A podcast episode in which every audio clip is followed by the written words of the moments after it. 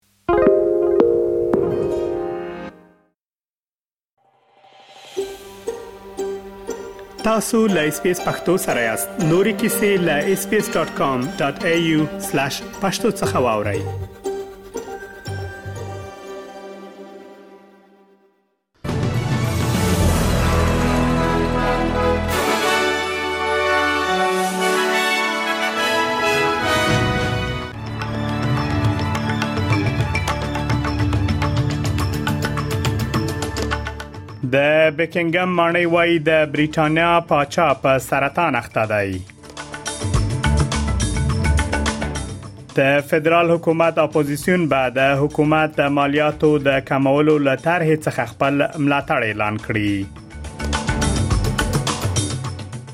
په کوینزلند ایالت کې یو تنکي ځوان د یوې اویا کلنې ښځې په قتل تورن شوی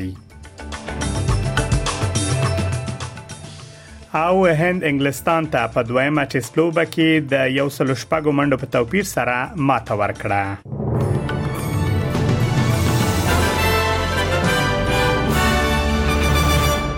اوس هم پام وکړئ بشپړ خبرونه ته د فدرال حکومت اپوزيشن به د حکومت د مالیاتو د کمولو ل طرحې څخه خپل ملاتړ اعلان کړي د ای بي سي شبکې راپور ورکړی دی چې اپوزیسیون به د مالیاتو په برخه کې په مشروط ډول د حکومت د بدلونونو ملاتړ وکړي اپوزیسیون حکومت په پرله پسې توګه په دې تورن کړی چې په ټاکنو کې خپل تر سره کړي ژمنه ماتوي خو دا سه معلومیږي چې د اپوزیسیون له کابینې سره تر ناستې ورسته د لیبرال ګوند مشر پیټر ډټن ممکن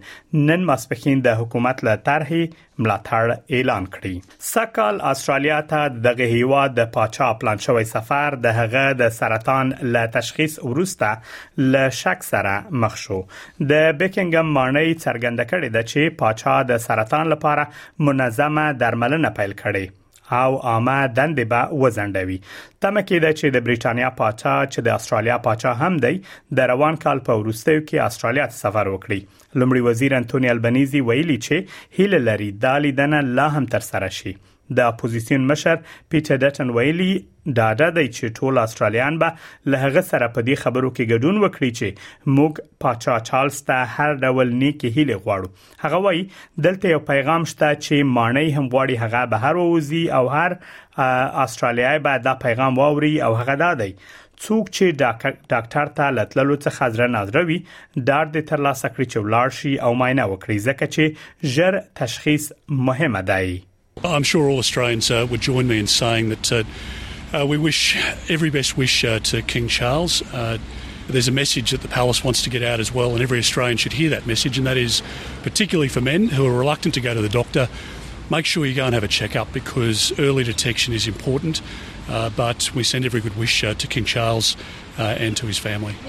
په کوینزلنډ ایالت کې یو تنکی ځوان د یوې او یا کلنې ښځې په قتل تورن شوی راپورونه ښیي چې نوموړي د یو شاپینګ سنټر مخته او یا کلنه ښځه په چړو وهلې ده ټاکل شوی ترڅو دغه 14 کلن ځوان د ویلن وایټ د قتل په تور محکمې ته حاضر شي اغلې وایټ له خپل شپږ کلنې لمسۍ سره د برزبن په لویدیس کې په ریډ بانک پلانز کې د پیرودلو په حال کې و چې برید پیښ شوی دی پولیس باور لري چې د دغه کار موخه د میرمن وایټ د موټر غلا کول و پولیسو 15 تنکی هلکان د موټرو د غلا او غیر قانوني استعمال په تور نیولې دي د غزې په جنوبي ښار رفح کې بې ځای شوي فلسطینیان په دې فکر کې دي چې آیا د اسرایل له ځمکنیو بریدونو وړاندې کوم بل ځای شته ترڅو هلته ولاړ شي د اسرایل پاوز د مصر پولې ته څیرمه په رفح کې د حماس پر اورپکو د نوي برید غواخ کړی کوم چې اسرایل په خوا د ملکی وګړو لپاره خوندي زون په توګه اعلان کړی و دا په داسې حال کې ده چې د غزې د چارواکو په خبره تر اوسه د اسرایل په بریدونو کې تر 22 زره زیات فلسطینیان وژل شوي او د تاوتریخوالي لامل شاوخوا 1.1 میلیون کسان بې ځای شوي دي ملګرو ملتونو په خبرګون کې ویلي دي چې په رفح باندې د پوزي برید بشري پایلې به ویجاړونکې وي یو پیځه شوی خزه چې په رفح کې پناه اخیستي حنان ابو غبل وایي چې کورنۍ نه پوهیږي څه وکړي هغه وای په خپل ژوند ویریږي او د جګړې لامن څخه تښتیدلې ده هغه زیاتوي په خوندزي یو راکټ وشتل شوی او دوی په سختۍ سره ژوندۍ پاتې شوې دي Of course, we're afraid for our lives. We fled for our lives right in the middle of the battle. A rocket was thrown in the school and we barely made it out alive. Up until today, we have been exposed to shrapnel. We were forcefully displaced from Gaza. They followed us. We were forcefully displaced from Khan Yunis. They followed us. And now we've been forcefully displaced to Rafah. But where else are we meant to go? په غزه کې د اسرایل بمبارۍ وروسته له هغه کېږي چې حماس د اکتوبر په ومه په اسرایل کې نږدې 1200 کسان ووژل او شاوخوا 2500 یې يرغمل کړل د چيلي هیواد د آرام سمندر ساحل اوسیدونکو هڅه کوي ترڅو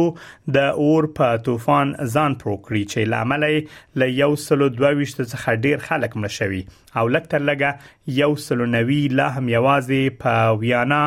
ډنمارک کې ورک دي د استراري عملي کارکونکو لا هم په ورلا پاسو او وینا ډنمارک کې د اور له لګیدنو وروسته په کندواله کې خښ شوی جسدونه لټوي جاکلین اثیناس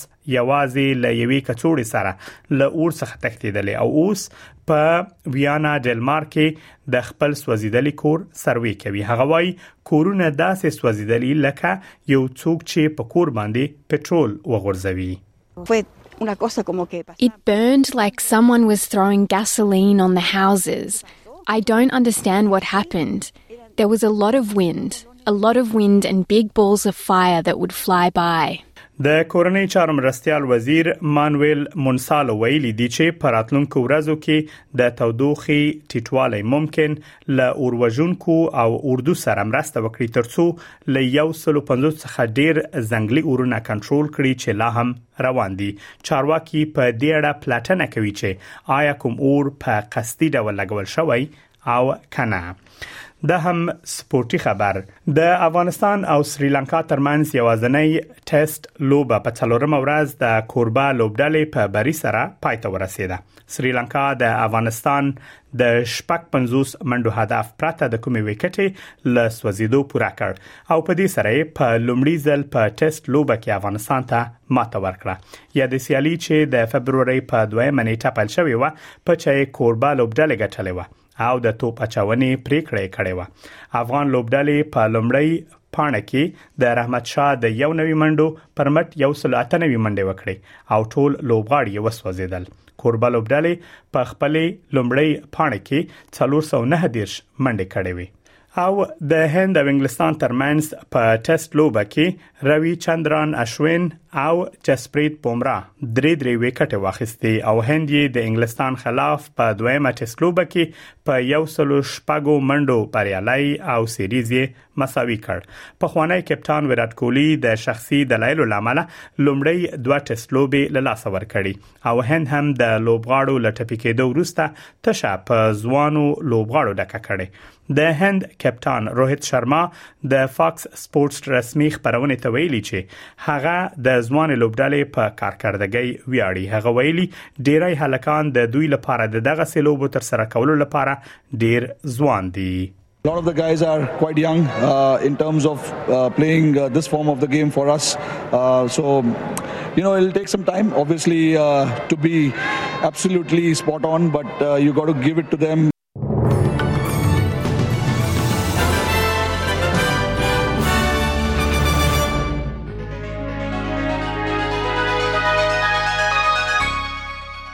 اوس هم پام وکړئ د هوا حالاتو ته په سیدنی کې وریز او باران د تودوخې لوړه درجه وویشت ملبن کې نیمه وریز د تودوخې لوړه درجه یویشت پرت ښار کې ډیر لمر د تودوخې لوړه درجه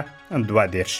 په اډلیډ کې نیمه وریز د تودوخې درجه 15 هوبارت کې نیمه وریز د تودوخې لوړه درجه یویشت کانبرا کې د باران امکان شته د تودوخې لوړه درجه 23 په نیوکاسل ښار کې وریز د تودوخه لوړه درجه 2 دیرش په برزمن کې نیمه وریز